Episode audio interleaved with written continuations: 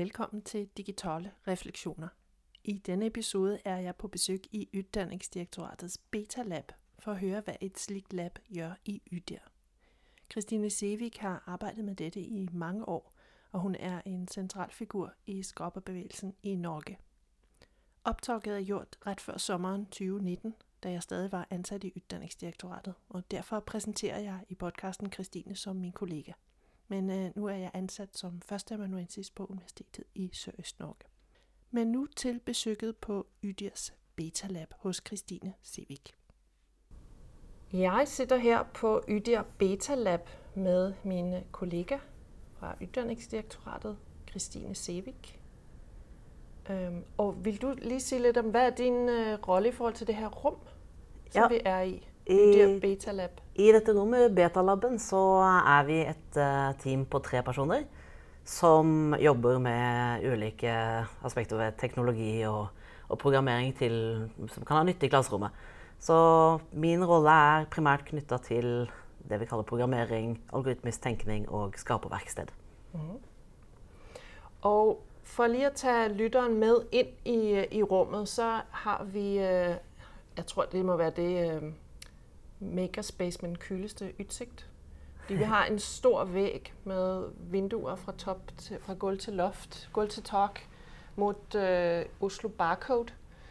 Øhm, og på den langside foran vinduerne, der er pulte med i den ene ende er der skorperhjørne med sygemaskine og lottekolbe og vinylkotter. Er det, nej, er det det, den er? Den der? Ja, det er en vinylgutter. Ja, og 3D-print. Ja. Og så i den anden ende langs vinduerne er der sådan en musikhjørne med redigering og en guitar og VR, AR hjørne også. Så det er ligesom tre områder. Det fjerde, Ja, det er... også dataspill borti det VR-hjørnet. Så vi kan Åh oh, ja. Ja. Spill og VR. Spil og VR, musik, skarperhjørne, og på, på øh, baksiden på væggen modsat vinduerne, der er reoler og skuffer med robotter, microbits, alt som kan programmeres egentlig. Ja, der har vi utstyr for programmering egentlig helt fra, altså fra barnehage og eh, inn i evigheten. Ja. Og programmering av, av det meste. Mye mikrokontroller og mye, mye billig elektronikk som du, som du lett kan eh, fikle med og, og lage nye ting. ja. Og så i midten af rummet er der to store borer med stole rundt om. De er ret store. De står sådan skyvet sammen. Nej, fi- nej der er mange borer. Der er fire. Der er fire borer. Ja, okay. Så den rektangulære. Med en masse stole rundt, og så er der en stor skærm på den, på den ene endevæg, og på den anden er der en mindre skærm. Og så er der et locker. Selvfølgelig må man have et locker, hvor man kan have sin uh, stash. Men hvad er det egentlig, som er tænkt med det her rum? Uh, hvorfor er det, at der er de her fire uh, områder? Hvad er det, man vil? Hvad er det, dere vil med det her rum? Ja, altså dette rommet har jo flere funksjoner. Eh, altså for oss som, som er tilknytta det, så er det jo et arbeidsrom.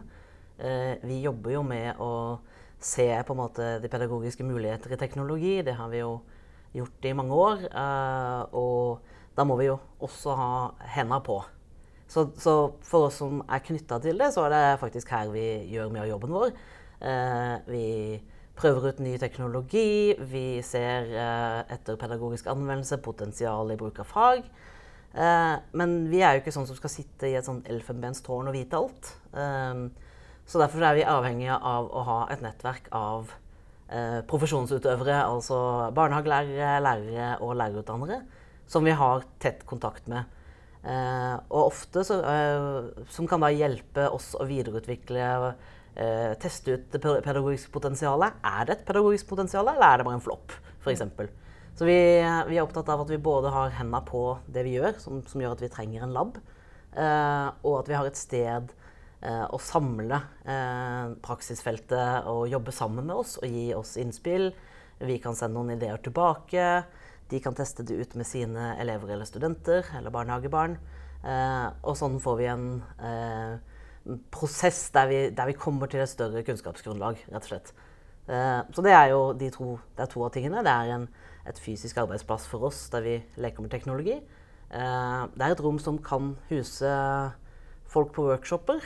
Eh, vi har en, en fleksibel innredning her som gjør at vi kan eh, et, ha et stort møtebord i midten, som vi også kan dra ut til mindre gruppebord. Det var et veldig viktig poeng i innredningen. Um, ja, vi har jo sagt at vi skal kunne ha 18-20 personer på en, på en hands on workshop. Vi har klart å presse 43 mennesker inn her. Wow. Ja, Men da var det ingen som fikk luft. Nei, fordi det er vel sånn 100, er det 80 kvadratmeter? Ja, jeg tror det er under det. Uh, så uh, egentlig så presser vi grensen når vi går over 20 mennesker hvis vi skal være her en stund, da. Mm. Um, så det er jo, og så er det jo også et sted der utstyret vårt bor. Altså, for vi er jo også mye ute. Uh, altså utenfor den laben. Vi sitter jo ikke her. Vi, vi har jo et helt lager der inne med diverse utstyr som vi ofte pakker og tar med oss ut i sektor. Enten på for å vise frem noe, for å prøve noe sammen med lærere, eller for å ha workshop og konferanser eller andre ting. Ehm, det er jo et rom som også kan vise noe av hvordan man kan tenke et fleksibelt undervisningsrom, men da i en sånn mikroskala. Eh, det er jo ikke et, jo ikke et svært skaperverksted vi sitter i her. Men litt sånn Dette er elementer du kan ha i undervisningsrommene dine.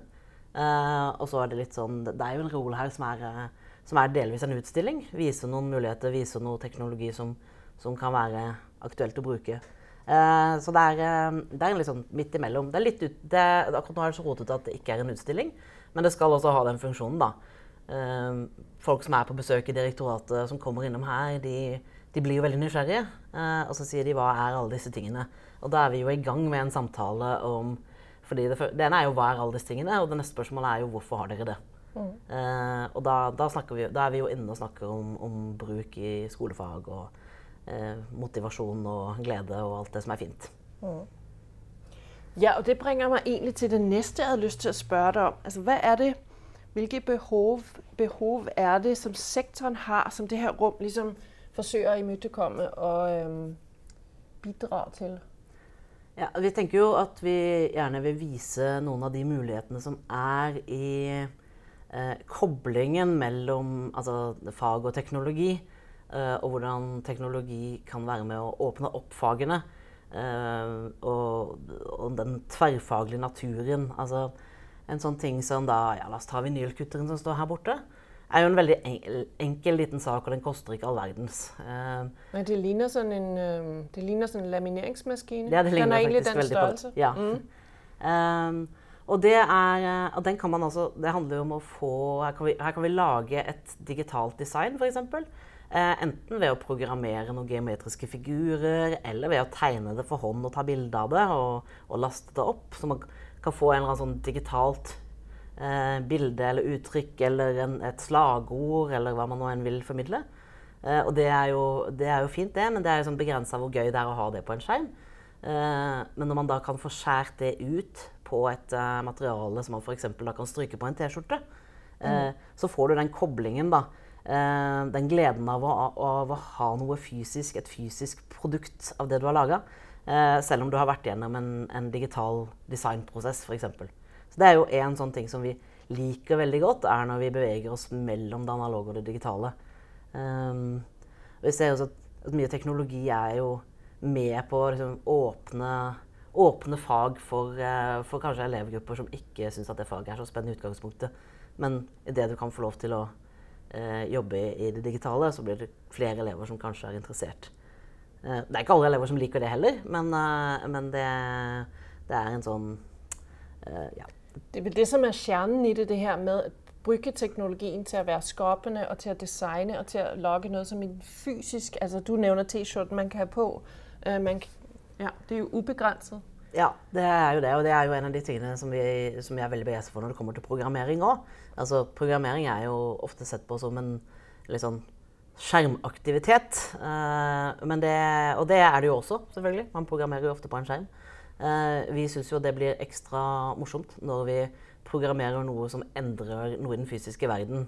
Altså f.eks. at du programmerer lysene til å gå på når du kommer inn i rommet eller at du programmerer kjolen din til å eh, lyse opp i alle regnbuens farger når du danser. Altså, eh, eller for den saks skyld en plante her som vi ikke lenger har fordi den døde. Eh, at vi satte en fuktighetssensor i den og programmerte en vannpumpe til å vanne den automatisk fordi vi ikke klarte å gjøre det sjøl. Men, men nå er den død? Den er død fordi at uh, teknologien svikta.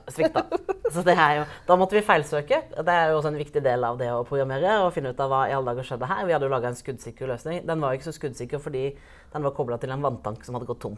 Så. Ja, okay. Ja. Men altså Men den fungerte bra så lenge det var vann på tanken. Ja. Mm. Så da hadde man i hvert fall litt lengre tid på seg før man måtte vanne på nytt. Ja, og jeg, ja, jeg synes virkelig, den der koblingen mellom det fysiske rom og det digitale, programmering og sånt er virkelig, virkelig interessant. Og det er vel øh, det, som, øh, som det her handler om.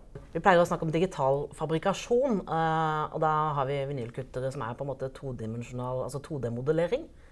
Eh, da lager du jo ting i to dimensjoner som, som kommer ut flatt. Og så har du 3D-printere som er 3D-modellering. Der lager du jo ting som er i tre dimensjoner, altså fysiske objekter.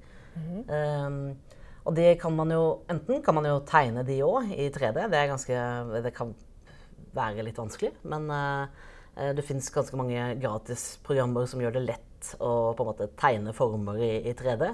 Uh, og da kan man jo tegne seg en uh, fin liten terning, og så kan man skrive den ut. Eh, og så syns vi at det blir ekstra gøy når vi kommer over i eh, å programmere det òg, da. For man kan programmere design, at man kan ta en form f.eks., og med programmering kan man da si at man kan rotere den et visst antall grader og gjenta det eh, 100 ganger. Så kan man jo få en form som man ellers ikke ville klart å se for seg nødvendigvis. Så det er eh, 3D-printer er, er, er et fantastisk uh, sak du, til å lage prototyper og til å få ut uh, en fysisk representasjon av noe som egentlig er abstrakt. Uh, 3D-modellering på skjerm er jo, eh, gjør du jo i 2D. Altså skjermen er jo todimensjonal. Eh, så eh, altså, du får jo fortsatt helt ikke følelsen av det i tre dimensjonene. Eh, men når du får den ut, så, så ser man jo eh, alle, alle sider av den samtidig. Det er jo ekstremt tilfredsstillende, rett og slett. Uh, å sitte med en fysisk representasjon av noe du har uh, tegna eller programmert eller skapt på en eller annen måte. Ja, og det her med, at du siger, at man kan dreje tingene for eksempel, at man klarer da at skabe noget relativt enkelt, som vil være utrolig vanskeligt at konstruere for hånden. Ja. uh, og det er jo også faktisk det med 3D-printere, fordi den kan jo bygge ting innenfra. Den kan jo da lage former som er uh, bortimot umulige for oss mennesker å skape. Altså former som bare naturen har klart å skape, da. F.eks. ved å hule ut fjell innenfra og sånt. Eh, men det kan jo 3D-printeren faktisk gjøre. Eh, og det er jo også ganske stilig. Du får ut noen, eh, du får ut noen sånne former som tenker hvordan, går dette her? Man kan jo også printe ut ting som på en måte altså, Låser som allerede henger sammen osv. Ja, for du har sånn en... Øh, Ja, Vet du, hvor den er? Den der... um, der har printet sådan en brynjeagtig ting, hvor man sådan kan...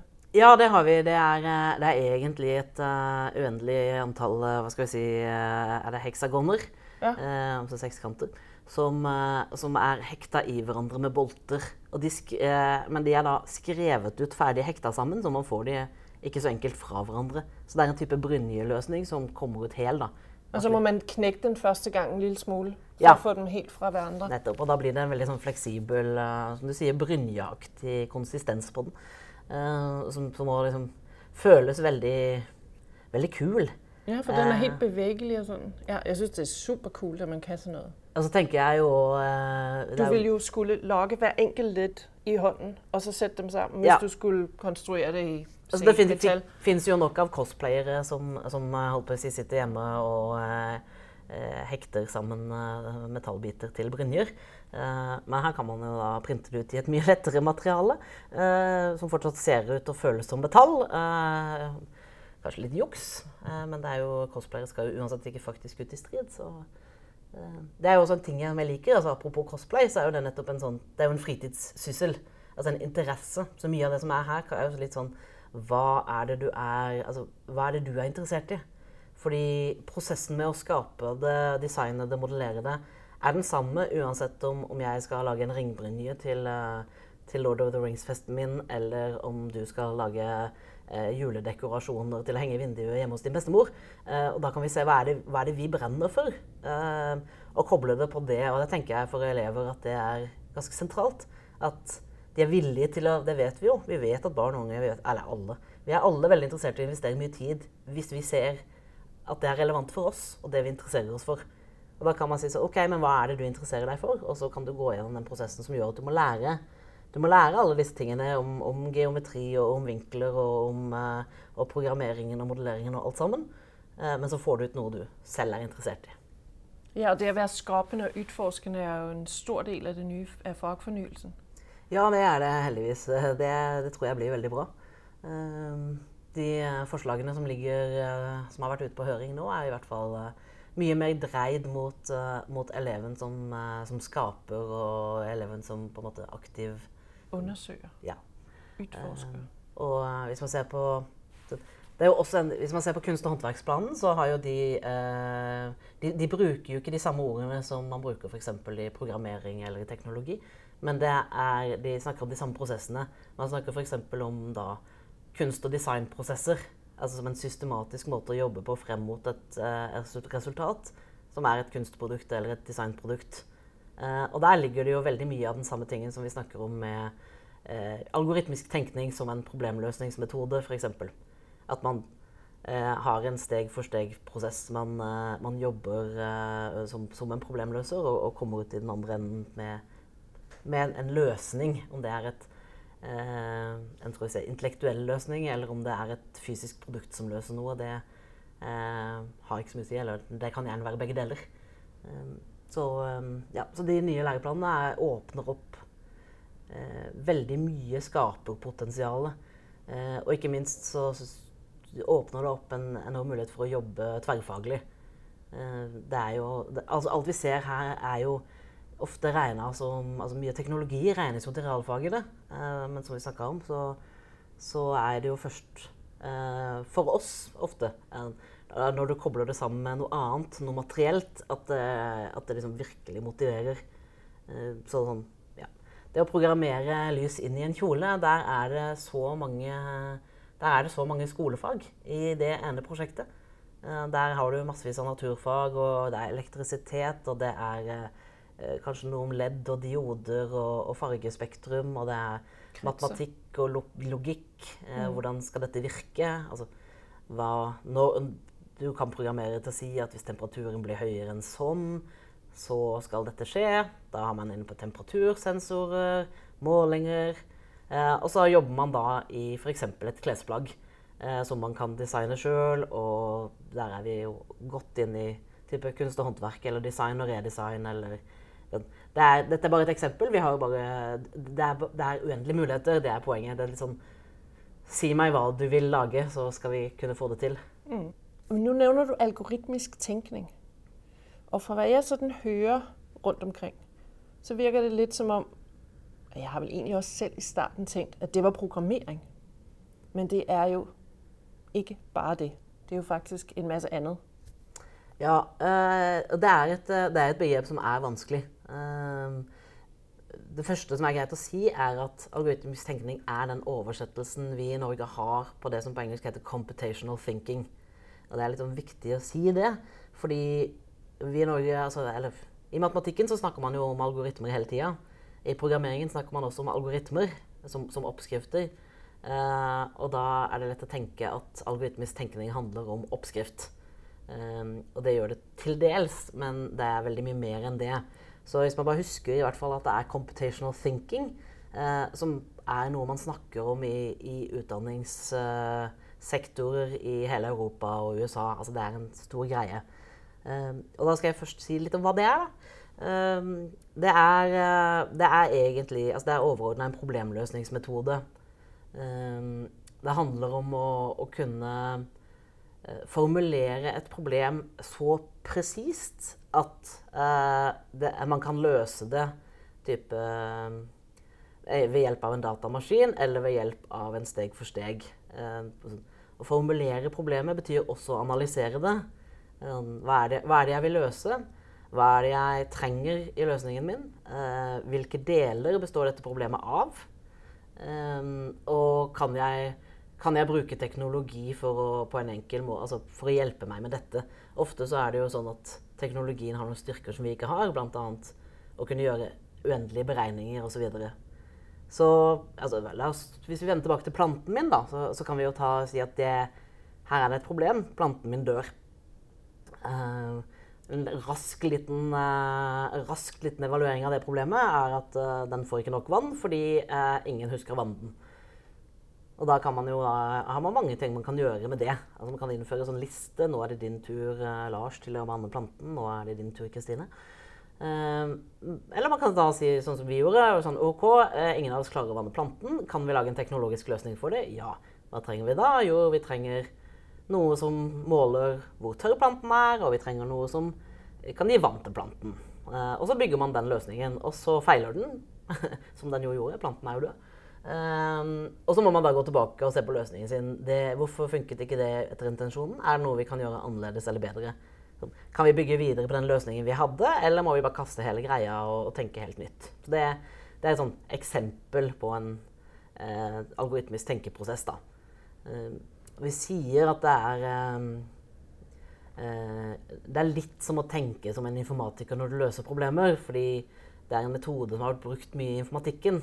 Men det handler egentlig bare om den, den systematiske steg for steget, og at du bruker den teknologiske kompetansen din i problemløsningen. Eh, og i det så ligger det også å vite hva du ikke skal be teknologien om å løse for deg. Det er ganske viktig. Eh, så f.eks. hvis man snakker om eh, er, altså sykehjemsdrift, da, så kan man si at det er for lite altså De gamle blir liggende på gangen. Det er et problem, og man kan begynne der. Og så kan man si kan man få roboter til å gjøre noe. Kanskje. Det er ikke sikkert at vi vil at robotene skal overta alt, fordi et viktig poeng på sykehjemmet er jo nettopp å kunne gi omsorg. Men kanskje er det det menneskene altså Kanskje det er der vi skal bruke våre helseutdannede personer til å gjøre det som mennesker gjør uovertruffent mye bedre enn teknologi. Eh, og så kan det være at ikke vi trenger å ødelegge ryggen deres på å gjøre tunge løft. Kanskje vi kan robotisere den delen. Så det er litt sånn Det er den type problemløsning, da. Mm. Nå, så, nu, nu nævnte du at det er metoder man bruker i informatikk, men, men, øh, og du nevnte også at det var noe man brukte i mange andre sammenhæng. For, for meg så handler algoritmisk tenkning der om, om å, at skjønne en prosess og ha noen ferdigheter eller kompetencer inn i en, i en proces, altså være fortrolig med procestænkning, og også at kunne løse problemer. Ja, det er hovedsakelig det. Mm. Og så er det, som vi også har prøvd å få frem, at det, det er en veldig stor grad av kreativitet i det. Eh, for du må jo nettopp eh, altså, du, Det er jo ikke sånn at man får et problem, og så lager man en oppskrift, og så løser man det. Det er jo tvert imot en veldig kreativ prosess. Hva er det jeg vil? Eh, hva er det jeg har av tilgjengelige ressurser? Det er kanskje det viktigste. Eh, vi har et, eh, et, favorittord på engelsk som eh, heter 'tinkering'. og det er jo litt sånn derre fikle. Mm. hva er det jeg har her? hva skjer hvis jeg kombinerer den med den? Hva er det hvis jeg kombinerer et tøystykke og en, en, sensor for temperatur og kompetansen din? Altså hvis jeg spør en venn, hva kan jeg da få til? Um, så det er noe med å, å vite at, altså, hvordan bruker jeg ressursene rundt meg. Ja. Mm. Også er en viktig del av det. Hva er det jeg har? Og inkludert det så ligger det jo også ja, Hva kan jeg finne på internett? Altså, mm. Er det noen som har løst dette før? Jo, det er faktisk en fyr i Taiwan som har laga noe som ligner. Jeg kan låne litt av han. Uh, han har dokumentert arbeidet sitt. Jeg kan bygge videre på det. Så det ligger også en sånn sterk sånn orientering i uh, hva fins rundt meg som jeg kan bruke inn i mitt arbeid. Jo, og dit eksempel, dit eksempel fra sykehjemmet peker jo også på noen etiske dilemmaer, som du nevnte. Så det er jo det, man må kunne, eller det, man skal, det, det handler om å lære, det er jo også å tænke på mye annet enn bare teknologien.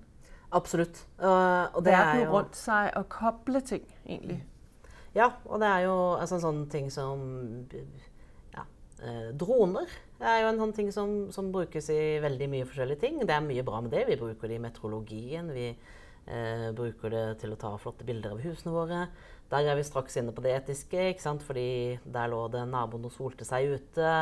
Da må man ha betraktninger om det. Og så har vi selvfølgelig dette med militære droner. Eh, så vil vi Altså, hvor skal beslutningen ligge eh, om en drone skal på en måte Eh, slippe en bombe eller ikke. Vi vil helst enn så lenge at den ligger hos personer. og ikke programmert inn som kunstig intelligens i dronen selv. Det kan være det endrer seg, men det er jo et sånt skrekkscenario Terminator som man da fort, fort kommer inn i. Men for å ikke komme der, så må vi jo nettopp uh, snakke veldig mye om hva er uh, Hvem tar beslutningene, hva skal de være fundert på? Og da er vi, da er vi inne på etikk, og vi er inne på digital dømmekraft og, og alle de tingene som både, både dagens og fremtidens uh, generasjoner definitivt trenger. Mm. Vi er kanskje litt for dårlige på det i vår generasjon når vi ser hva, hva folk driver og deler på Facebook og ting de trykker på. Og, ja, vi trenger mye mer bevissthet omkring jeg vil tro det. en masse problemstillinger, som vi ikke helt har fået øje på endnu. Eller som der begynder at være opmærksomme omkring, men som den øh, Kari og Ola nordmand, er det ikke sådan, man siger? Den vanlige nordmand, som, den, som, hvem, som, Ola, ja. som manden på godten ikke har tænkt over, ja. som, men som også er en del av hans liv. Og Da er vi jo øh, for så vidt øh, raskt inne i liksom, den siste delen av rommet her som vi ikke har snakka om, nemlig dette med eh, altså f.eks. dataspill. Der er, jo, der er det jo veldig mye rare diskusjoner. Eh, sånn, fordi sånn, enten så er det bra eller så er det dårlig. Eh, og det har vært veldig fokus på at det er dårlig. Altså, ja, barnet ditt blir voldelig av å spille Fortnite osv. Eh, og tingen er at vi vet jo ikke så mye om dette her. Altså, vi, vet, altså, vi vet jo det er, det er, et veldig stort spekter. Eh, og det vi vet, er at hvert fall spill har en veldig fengende eh, Altså er veldig fengende eh, medium. Det er den største uh, industrien vi har. Den er jo større enn en Hollywood. Og altså, kulturproduktene som lages der, er veldig populære. og så må man selvfølgelig ha noen refleksjoner rundt det. Er det bra eller dårlig? og det er jo ikke noen av delene. Altså, det er jo samme som en bok. Den er jo ikke god, altså, er jo ikke god eller dårlig som et medium. Men man kan, man kan bli påvirket positivt eller negativt. Eh, men vi har jo mange gode eksempler på lærere som bruker dataspill veldig godt i sin undervisning. Eh, og siden vi er i en podkast, så kan vi jo anbefale podkasten til Spillpedagogene. Den fins vel også i SoundCloud, tror jeg. Og som, som, da snakker, som er lærere som, som, bruker spill, og som snakker veldig mye om hvordan de gjør det pedagogisk, og, og hvordan de forskjellige spillene passer inn. Eh, og da er jo et av de sentrale poengene er jo nettopp at du har en lærer som bygger en bro mellom opplevelsen i spillet og det man vil at eleven skal få ut av læringsutbytte. Altså bygge konteksten. Mm. For det er jo ikke sånn at uh, altså man, man, deler jo ikke heller ut bare ut en bok og sier 'vær så god', og så snakker man aldri om den. Uh, man må jo ha en kontekst. Hva, hva er dette for en bok? Uh, hvorfor er den viktig? hvem var forfatteren? Hva ville hun? Og så videre. Mm. Mm. Og den podcast, heter den bare Spillpedagogene? Ja, eller? den finner okay. du med hvis du bare søker på Spillpedagogene podcast. Så, så, den anbefaler jeg. Den er veldig spennende. Tusen takk fordi du vil være med, Kristine. Jo, tusen takk for at jeg fikk komme. I podcastens shownotes til hver episode finner du denne gang Kristines anbefaling af podcasten Spilpædagogerne. Og du finder også linker til Ydia Beta Labs blog, til deres Twitter-konto og til Instagram.